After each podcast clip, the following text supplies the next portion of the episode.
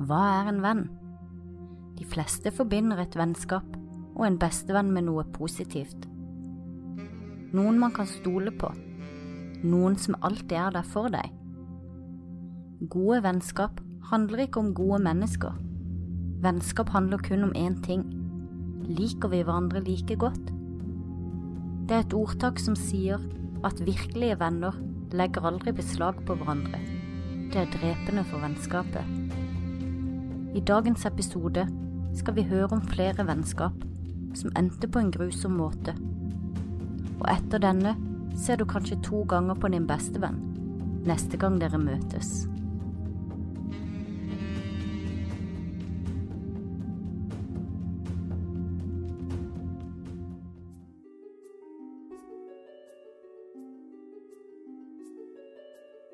Sett deg godt til rette med noe godt i koppen, og bli med inn i mystikk og mysteriers verden.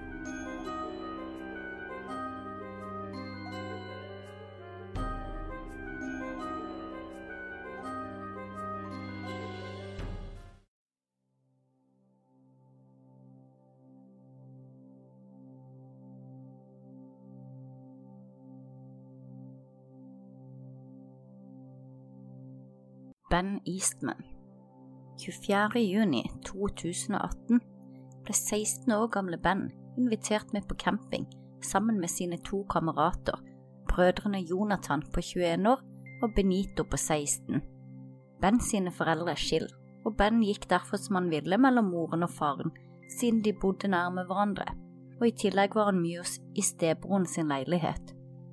Så først søndag, den 26. juni, To dager etter at han dro på campingtur, rapporterte faren hans som savna, da de oppdaget at han ikke var hos verken mora eller stebroren. Bens siste aktivitet på mobilen var 24. juni, når han teksta med Benito for å avtale hvor de skulle møtes. Benito hevda på sin side at Ben aldri møtte opp til avtalen.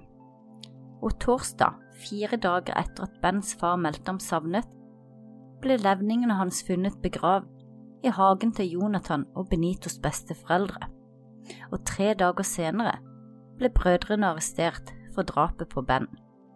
Obduksjonen kunne fastslå at Ben hadde dødd av harde slag og skader mot hode og overkropp. Legen som gjennomførte obduksjonen, estimerte at Ben hadde blitt sparka minst 100 ganger. I tillegg var han blitt slått med en stor stein og blitt seksuelt misbrukt med en stokk. Angrepet skal ha pågått så lenge som 20–45 minutter, ifølge brødrene. Da guttene hadde fått med seg Ben på camping, hadde brødrene først seksuelt misbrukt ham med en stokk før de slo ham i hjel. Deretter gravde de en grunn grav, slo ham med en stein flere ganger for å være sikker på at han var død, og kledde av ham før de begravde ham. Deretter brant de alle klærne sine og Ben sine klær. I tillegg hadde de forsøkt å brenne spaden som de brukte til å begrave ham med. Senere på dagen fikk brødrene panikk og var overbevist om at stedet de hadde begravd Ben, var enkelt å oppdage, så brødrene dro tilbake for å grave ham opp, pakket ham inn i noe plast som de hadde funnet på besteforeldrene sin låve, før de begravde ham på eiendommen til besteforeldrene. Det var flere innbyggere og familiemedlemmer som hadde lagt merke til at jorden var arbeidet med, og at det sto et kors av pinner på en flekk på eiendommen til brødrenes besteforeldre. Brødrene, på sin side, hevdet at de hadde begravd et dyr der, men da etterforskerne tok en nærmere titt, oppdaget de en fot som stakk ut av en grunn grav, og det viste seg å være Ben. Begge brødrene sitter nå fengsla for mord, voldtekt, forsøk på å gjemme bevis og for usømmelig behandling av et lik, med en kausjon på 10 millioner dollar hver. Benito, som er 16 år, vil bli stilt for retten som en voksen av mordets brutale karakter. Rettssaken er ventet å starte neste år, i 2019, og man vet ennå ikke hva som er årsaken til at de drepte kameraten sin på en slik brutal måte. I en gruppe på Facebook hvor flere av medlemmene kjenner Ben, går det rykter om at brødrene var Ben sin kjæreste eller ekskjærestes brødre. Alle som kjente Ben, beskriver han som en positiv gledesspreder, som var omtenksom og omsorgsfull. Han elsket å campe, fiske og kjøre trail med faren sin, så det er vanskelig for de som kjente ham, å forstå hva årsaken kan være. Forhåpentligvis vil de som kjente ham, få noen svar i løpet av rettssaken.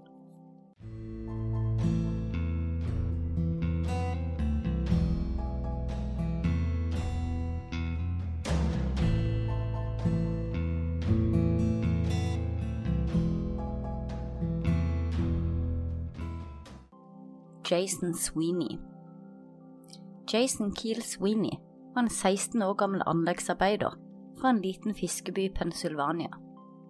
Jason hadde sluttet på skolen for å arbeide for faren sitt firma.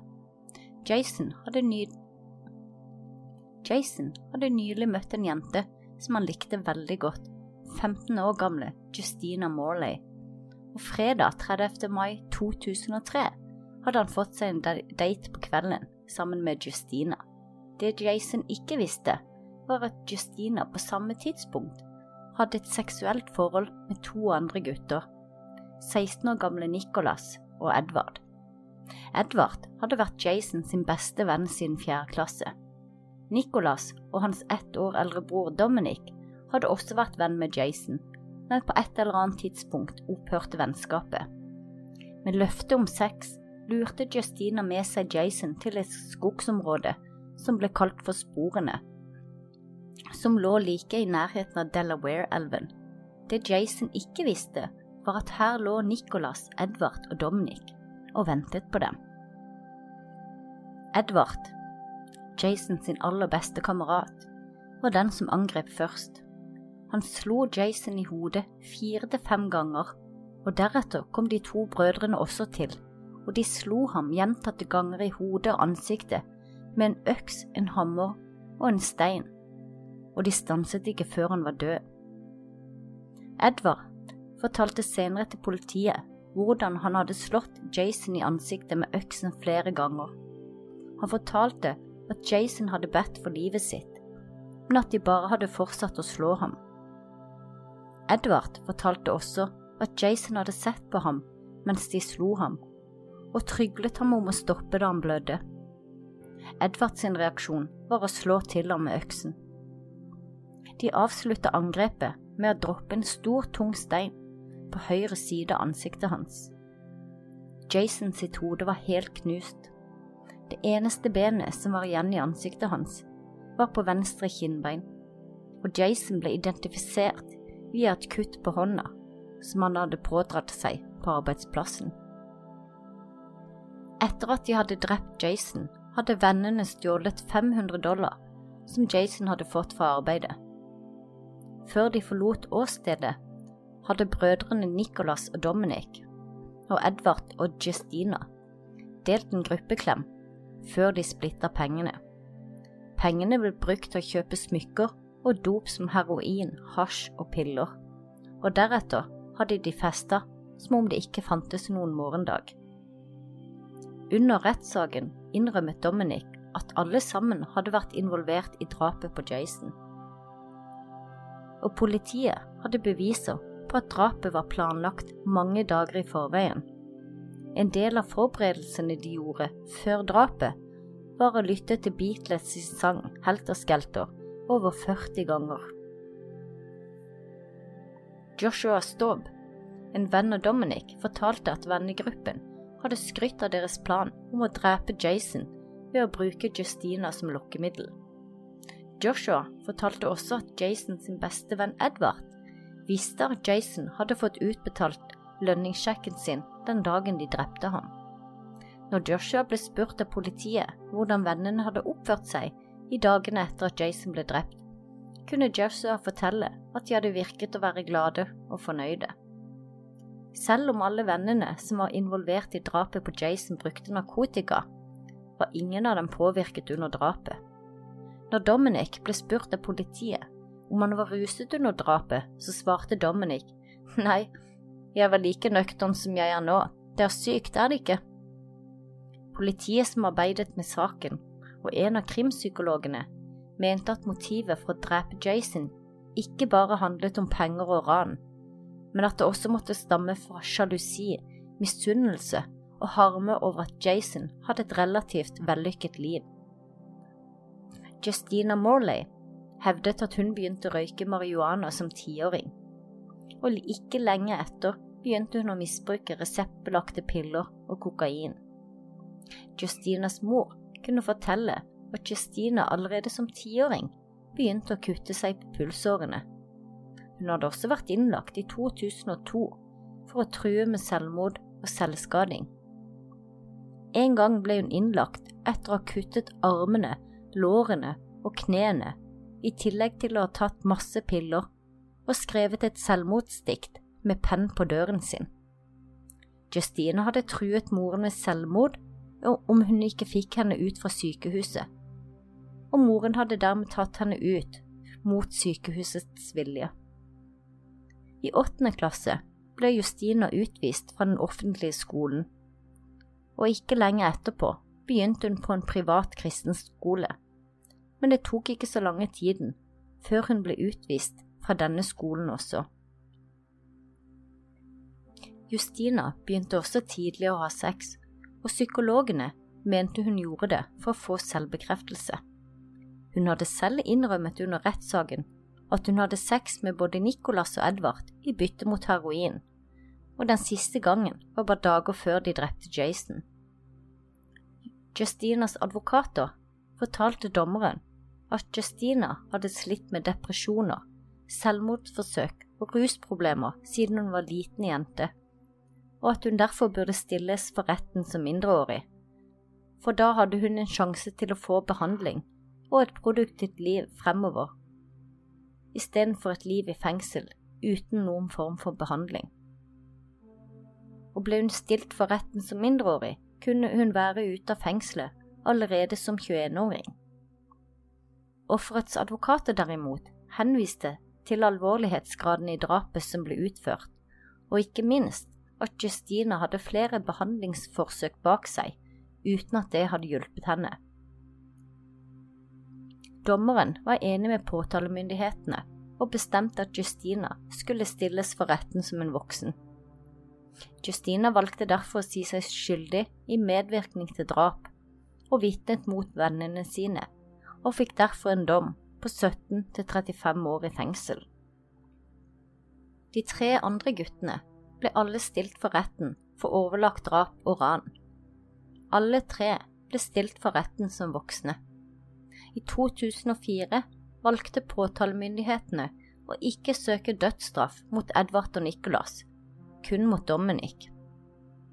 Men under rettssaken ble det avgjort at man ikke kunne gi dødsstraff til kriminelle under 18 år, og Dominic, som var 14 dager unna sin 18-årsdag da mordet ble gjennomført, kunne derfor ikke dømmes til døden.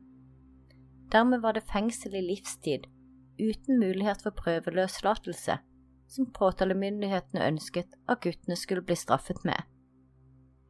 Under rettssaken ble det lest brev som ungdommen hadde skrevet i fengselet, for å prøve å forstå oppførselen deres, og for å finne ut hvem som var den verste forbryteren. Forsvarsteamet til guttene hevdet at det var Justina som var pådriveren og ledet guttene til å drepe Jason. I et av brevene fra Justina til Dominic skrev hun Du sier at jeg er manipulerende, og ja, jeg tror det er, jeg gjør det på noen måter. Jeg er overbevisende og manipulerende, og jeg tror jeg er ganske dyktig på det også. Jeg elsker å dra med meg folk. Og videre skrev hun, ikke fortell meg at du ikke nyter disse dumme menneskene, det er morsomt hvor enkelt det er å lure dem inn i løgner. I tillegg skrev hun også Jeg er en kaldblodig bitch som elsker døden, og som overlever ved å suge livet ut av svake, ensomme mennesker. Jeg lurer dem, og deretter knuser jeg dem. Hun viste ingen tegn til anger i noen av brevene, og i ett av dem sto det følgende Jeg er skyldig, men jeg har ikke dårlig samvittighet for noen ting. Jeg nyter flashbackene mine. De gir meg ro, jeg elsker dem. Men under rettssaken hevdet Justina at hun følte anger for å ha drept Jason, og at hun kun hadde skrevet slik til Dominic for å få aksept av ham. Selv om Forsvaret prøvde å overbevise dommerne om at ungdommene egentlig ikke var kaldblodige mordere, så forsvant det når Dominic satt i retten og fortalte hvordan de hadde slått ham i hjel, før de hadde delt pengene seg imellom og gått og tatt seg en skikkelig fest. Videre fortalte han at det virket som at alle var fornøyde med det de hadde gjort. I mai 2005 ble de tre guttene, Dominic, Jonathan og Edvard, dømt til livstid i fengsel uten mulighet til prøveløslatelse, pluss 22 til 45 år for ranet og planleggingen av drapet. Ingen av guttene viste tegn til anger, og ingen av dem ba om unnskyldning for drapet. Paul Sweeney, Jason sin far, henvendte seg til Dominic og sa, Se på meg, Dominic, med dine onde øyne. Men Dominic svarte tilbake, Hm, jeg har aldri tenkt at jeg har onde øyne, men jeg antar at jeg har det, og det er jeg helt ok med. Men i 2012 ble en rettssak mellom Miller og Alabama foretatt, hvor det var oppe til høring om det var et overgrep å gi livstidsdommer uten mulighet for løslatelse til mennesker under 18 år, og at det i slike saker hvor flere var involvert, var ekstra viktig å vurdere de individuelle forholdene som førte til deltakelsen i kriminaliteten. Retten lot det ligge åpent om den nye loven skulle gjelde for nye saker, eller også omhandle saker hvor mindreårige allerede hadde fått en slik dom og lot statene selv avgjøre hva som skulle gjelde for dem. Pennsylvania, hvor brødrene Dominic og Nicholas satt fengsla, valgte retten å ikke la Miller-loven virke for saker som allerede var avgjort, men kun for nye saker i fremtiden. Men så kom det en ny dom som sa at alle saker som pågikk mens Miller-loven ble innført, også skulle få muligheten til å få saken sin prøvd på nytt. Det betydde at brødrene som ennå ikke hadde fått dommen mens Miller-loven ble innført, dermed fikk mulighet til å få domssaken opp på nytt. Men ingen av dem fikk en ny dom, og dommen med livstid uten mulighet for løslatelse ble stående. Dommeren sa blant annet ikke bare planla de drapet, men gjennomførte det så voldelig og brutalt at Jason måtte identifiseres ved hjelp av tannregister.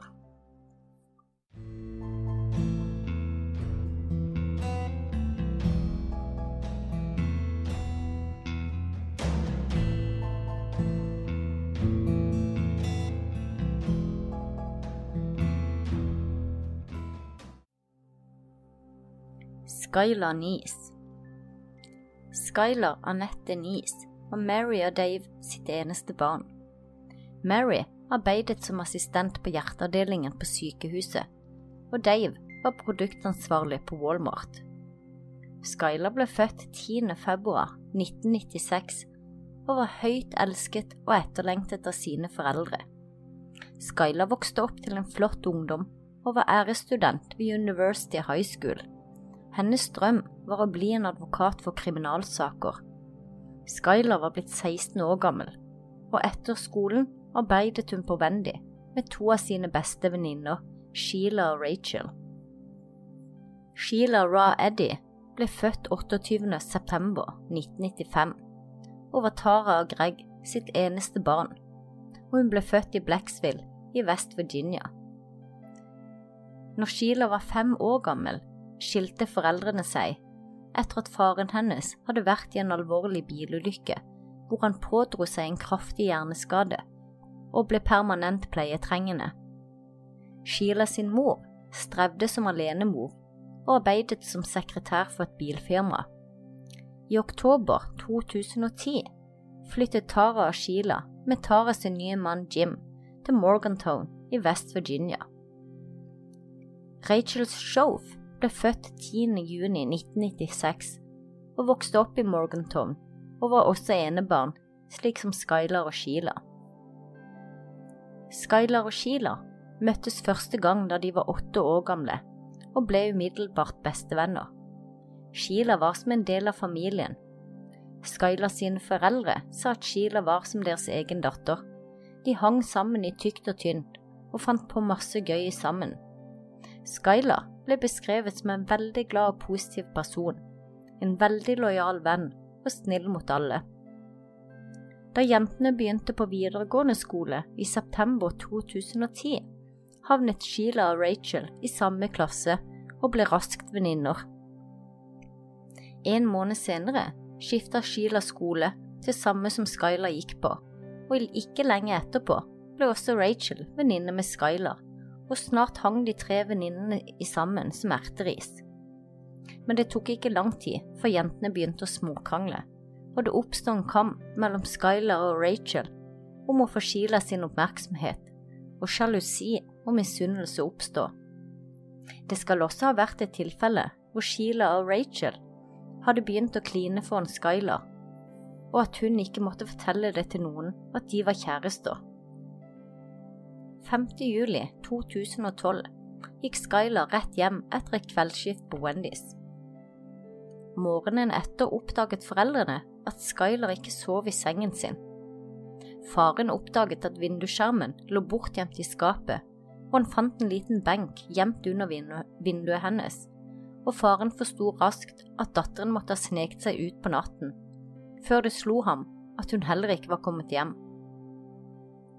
Senere samme dag, når Skyler ennå ikke hadde kommet hjem, og for første gang hadde hun heller ikke dukket opp på jobb, så ringte foreldrene til politiet og meldte henne savnet.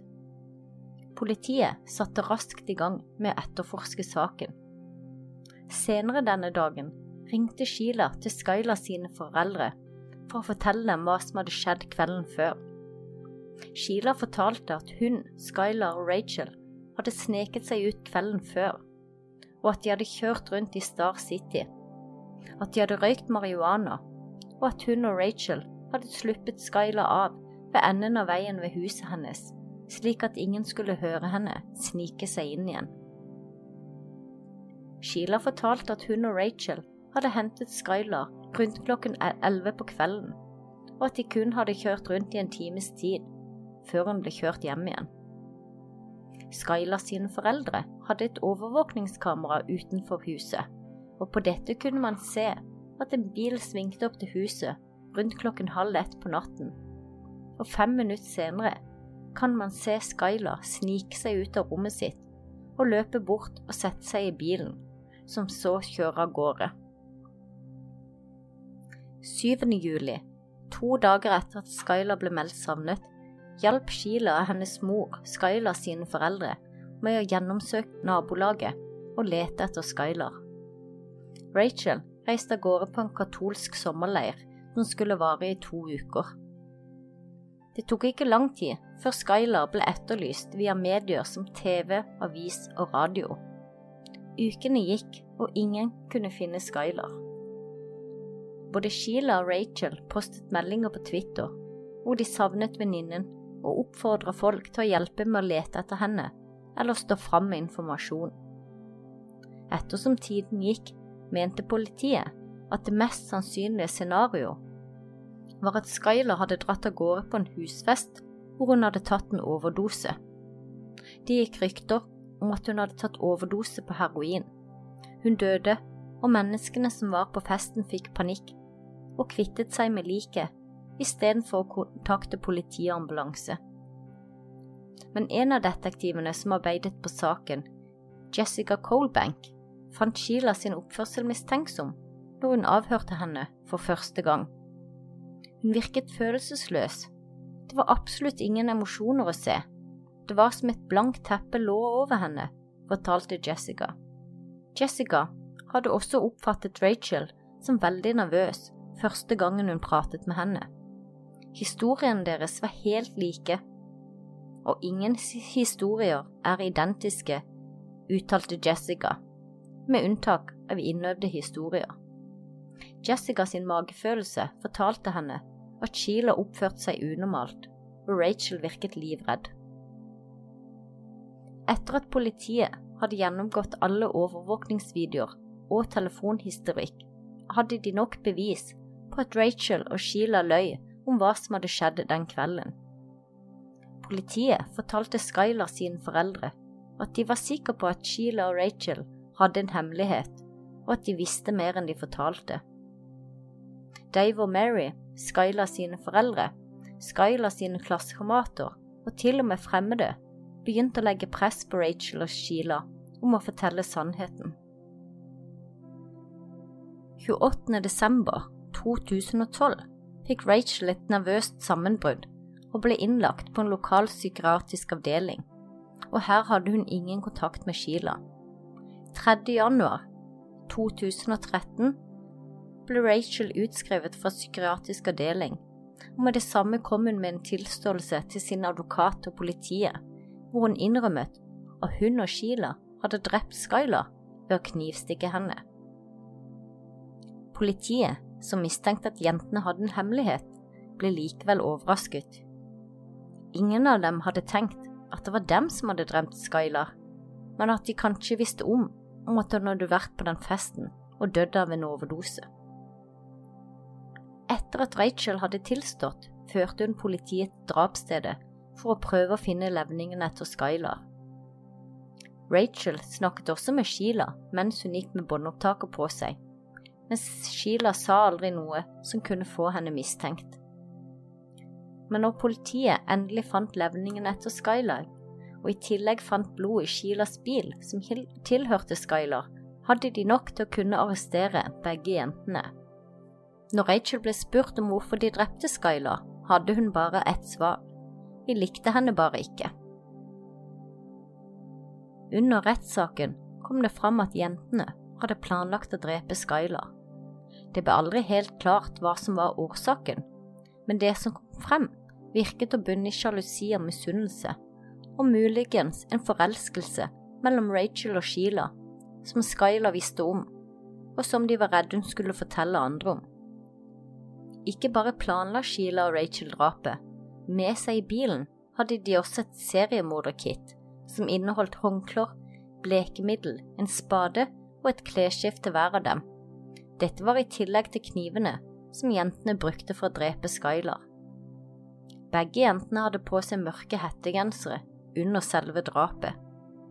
Planen var å drepe henne, kvitte seg med liket, skifte klær, og så reise hjem som om ingenting var hendt.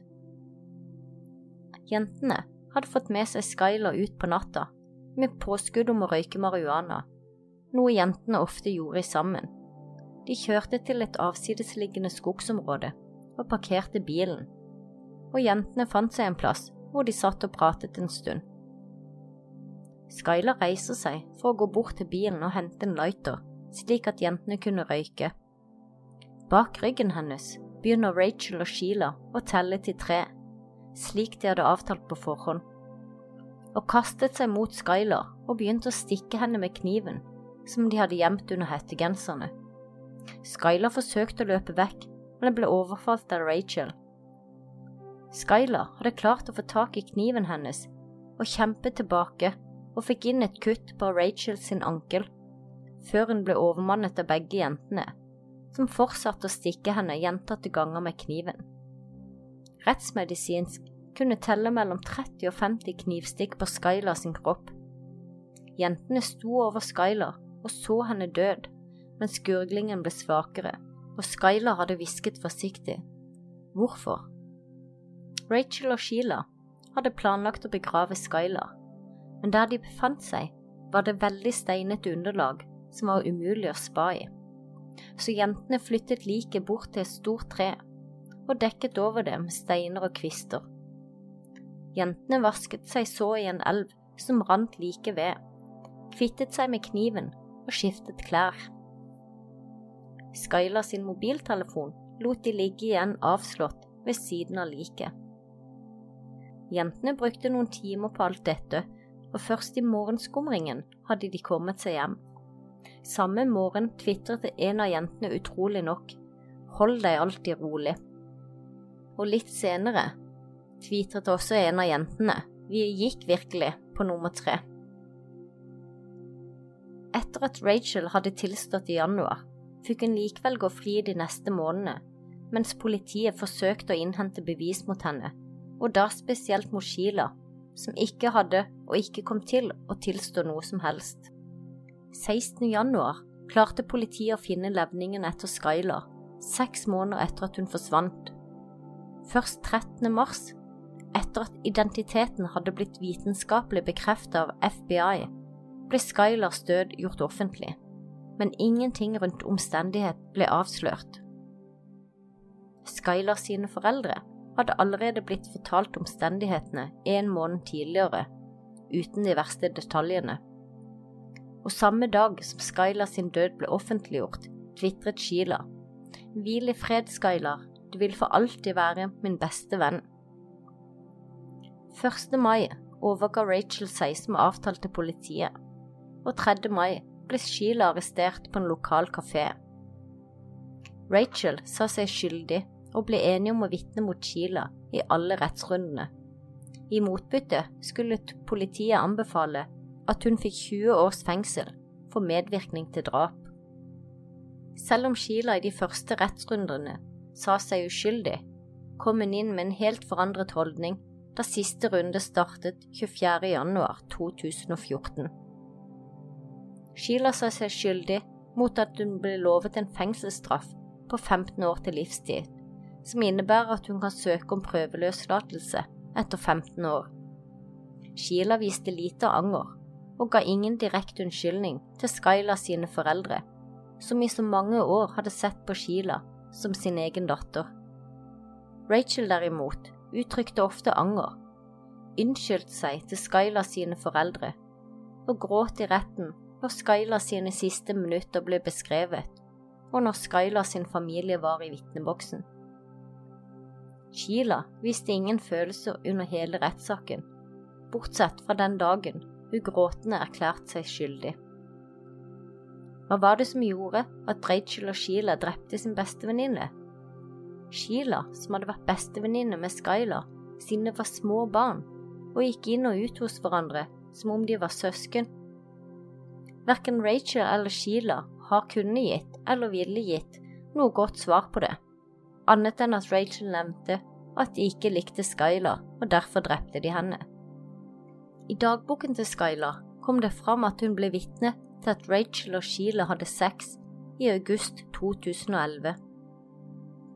I tillegg hadde Skylar fortalt om dette til noen andre venner.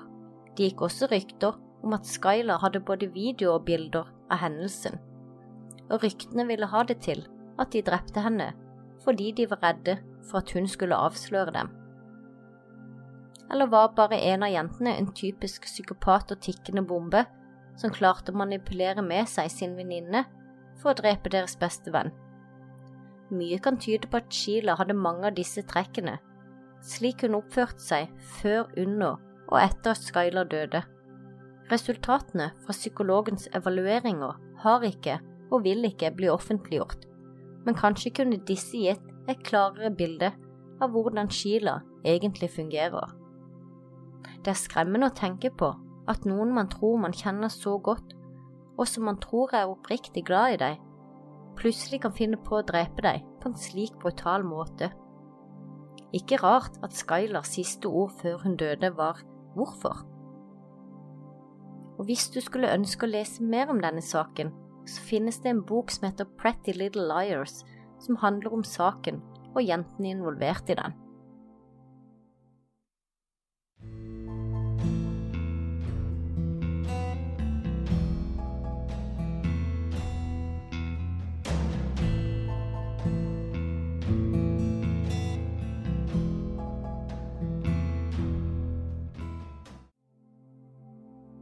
Peyton Lutner, The Slenderman. I 2009 ble en internettmeme ved navn Slenderman oppretta på et forum ved navn Something Awful. Karakteren ble fremstilt som en veldig høy, tynn mann uten ansikt, og så gikk han alltid med en lang, sort frakk. En av brukerne, Victor Surge, hvis virkelige navn er Erik Knutsen, hadde to sort-hvitt-bilder av en gruppe med barn, og inn blant dem photoshoppa han inn Slenderman. Bildet gikk raskt viralt, og historien om Slenderman utvikla seg mer og mer, og de neste årene var Slenderman en så stor hit på internett at noen barn begynte å tro at Slenderman var virkelig. Anissa Morgan, som var tolv år gamle, var helt opphengt i Slenderman og var overbevist om at han eksisterte. Jentene trodde helhjertet på alt om Slenderman, og de trodde også at den eneste måten man kunne bli en av hans følgere, var ved å drepe noen. Dette ville gjøre dem til hans undersåtter, og man kunne da bo med ham i hans store, flotte herskapshus. 31. mai 2014 fikk venninnene Anissa Morgan overtalt Peyton til å bli med dem på tur i skogen.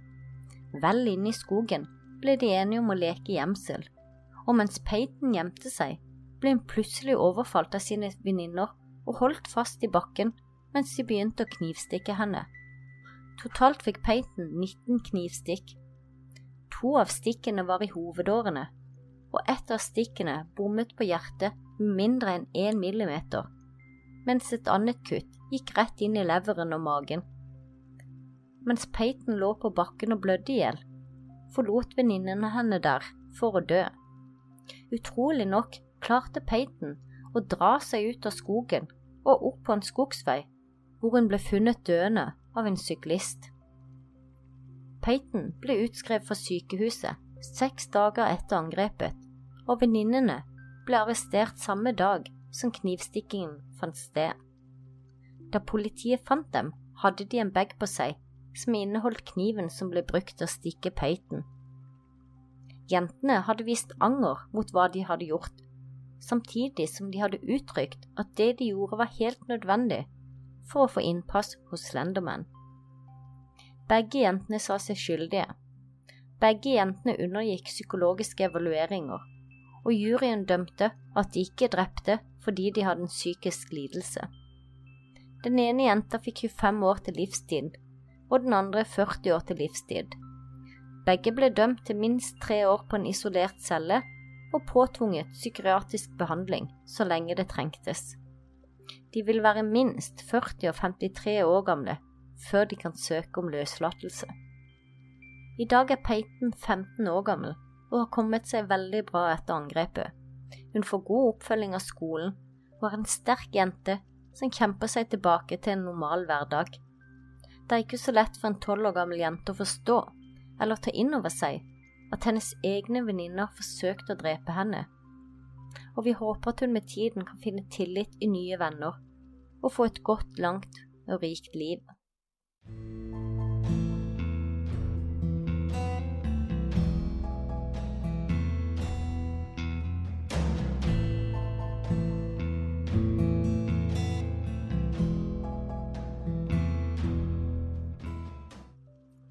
Jonny André Risvik.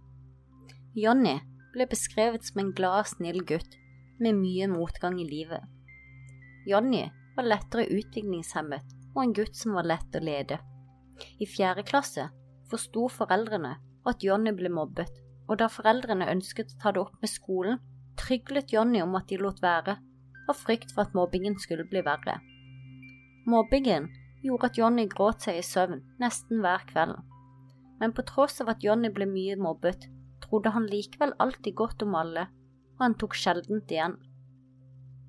Når Johnny ble voksen, flytta han inn i en kommunal leilighet sammen med kompisen sin og hans samboer på Kampen i Stavanger.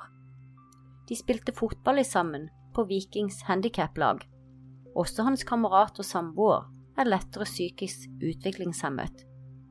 I juli 2010 når Jonny var 27 år gammel, begynte plutselig Jonny sin romkamerat å mishandle Jonny og holde ham fanget i sitt eget hjem. I tillegg deltok en kamerat og to venninner i mishandlingen, som pågikk i så lenge som to til tre uker. 13. august 2010 ble Jonny funnet død i sitt eget hjem, død av mishandling og mangel på mat og vann. Hans romkamerat og samboer ble arrestert, og en gutt og to jenter til ble arrestert i forbindelse med Johnny sin død. De fem var i alderen 16 til 26 år, og alle hadde oppfølging og behov for hjelp av kommunen, og tre av dem var lettere psykisk utviklingshemmet. Torturen og mishandlingen skjedde i Johnny sitt hjem, og alle som deltok, var hans omgangsvenner.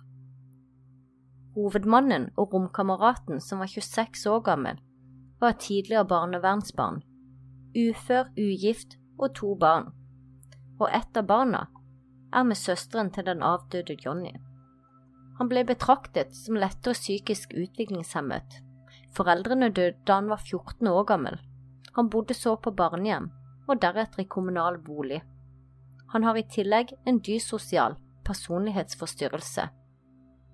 En av de andre som deltok, var en mann på 25 år, også ugift, ufør og uten barn. Tidligere ustraffa og barnevernsbarn. Han hadde en kjent voldshistorikk og var avhengig av daglig medisinering mot raseriutbrudd. Karakterisert som lettere psykisk utviklingshemmet og uten evne til daglig egenomsorg. Bodde i kommunalt bofellesskap, og han hadde én-til-én bemanning. En jente på 18 år som var søster til mannen på 25 år, var også med på mishandlingen. Hun var også lettere utviklingshemmet, ble plassert i fosterhjem som niåring etter omsorgssvikt i hjemmet. En annen jente som var kun 15 år, var også med. Hun var skoleelev og evnemessig i grensen mellom nedre normalområder og lettere psykisk utviklingshemmet. Hovedmannens samboer, som var en jente på 24 år, var også ufør, mor til to barn under barnevernets omsorg og var gravid på gjerningstidspunktet, og ble selv utsatt for vold av hovedgjerningsmannen. Hun bodde egentlig i bemannet bolig, men var mest hos kjæresten. Det kom aldri noen klar grunn til hvorfor Johnny ble mishandlet til døde. I to til tre uker ble han utsatt for vold, frihetsberøvelse og tortur. Johnny ble slått og sparket av sine venner så hardt og mye at hele ryggen var dekket av blåmerker og sår. Vennene tok bilder av Jonny underveis. Jonny ble brent med sigaretter og hadde flere brennmerker etter sigaretter over hele kroppen og i ansiktet. Vennene skjøt også på Jonny med luftvåpen, i hodet og på kroppen. Han ble skålla med varmt vann, og han ble nektet mat og drikke. I perioder var han også teipa fast til en stol, uten mulighet til å søke hjelp. Jonny hadde også mange brudd i kroppen. Ribbeinsbrudd brudd i kjeven og brukket nese. Han ropte om hjelp, og han skal ha bedt om hjelp via internett, og ved en anledning skal Jonny ha klart å rømme, men han ble raskt funnet igjen i byen og ble tvunget tilbake til leiligheten. Han var sjanseløs mot vennene sine, og ingen varsla politiet. I retten kom det fram at hovedmannen hadde vært voldelig mot flere i sine omgangskrets også mot avdødes søster, som han hadde barn med, og mot den gravide samboeren, som også deltok ufrivillig i mishandlingen av Jonny. I retten mente de at mye tydet på at mishandlingen begynte forsiktig, før det hele eskalerte og kom ut av kontroll. Forsvarerne mente at de tiltalte ikke evna å forstå alvoret i det de gjorde. Og Jonny var også kjent for å reagere med å smile når han ble redd noe som kan ha blitt oppfattet annerledes av de tiltalte. Men alle de tiltalte ble dømt. I dommen konkluderte man med at alle de tiltalte var i stand til å forstå at massiv vold kombinert med lite mat og drikke kunne føre til at Johnny døde. Dette på tross av deres svake intellektuelle fungering, og dommen lød som følgende. Hovedmannen på 26 år fikk ni års fengsel. Mann 25 år, fem års fengsel. Kvinne 18 år, fem års fengsel. Kvinne 24 år, seks måneders fengsel under vilkår. Og kvinne 16 år fikk 420 timers samfunnsstraff. I tillegg måtte alle de dømte, utenom den 24 år gamle, gamle kvinnen, betale oppreisning til Jonny sine foreldre. Jeg kan ikke forestille meg hvor smertefullt det må være for Jonny sine foreldre å miste sitt barn på en slik grusom måte. Og hva tenkte Jonny når hans nærmeste venner torturerte og mishandlet ham Så grusomt og smertefullt. Hvilken grusom og ensom død. Ni år fikk hovedmannen. I Amerika ville man fått livstid og mer for en slik grusom, forferdelig forbrytelse.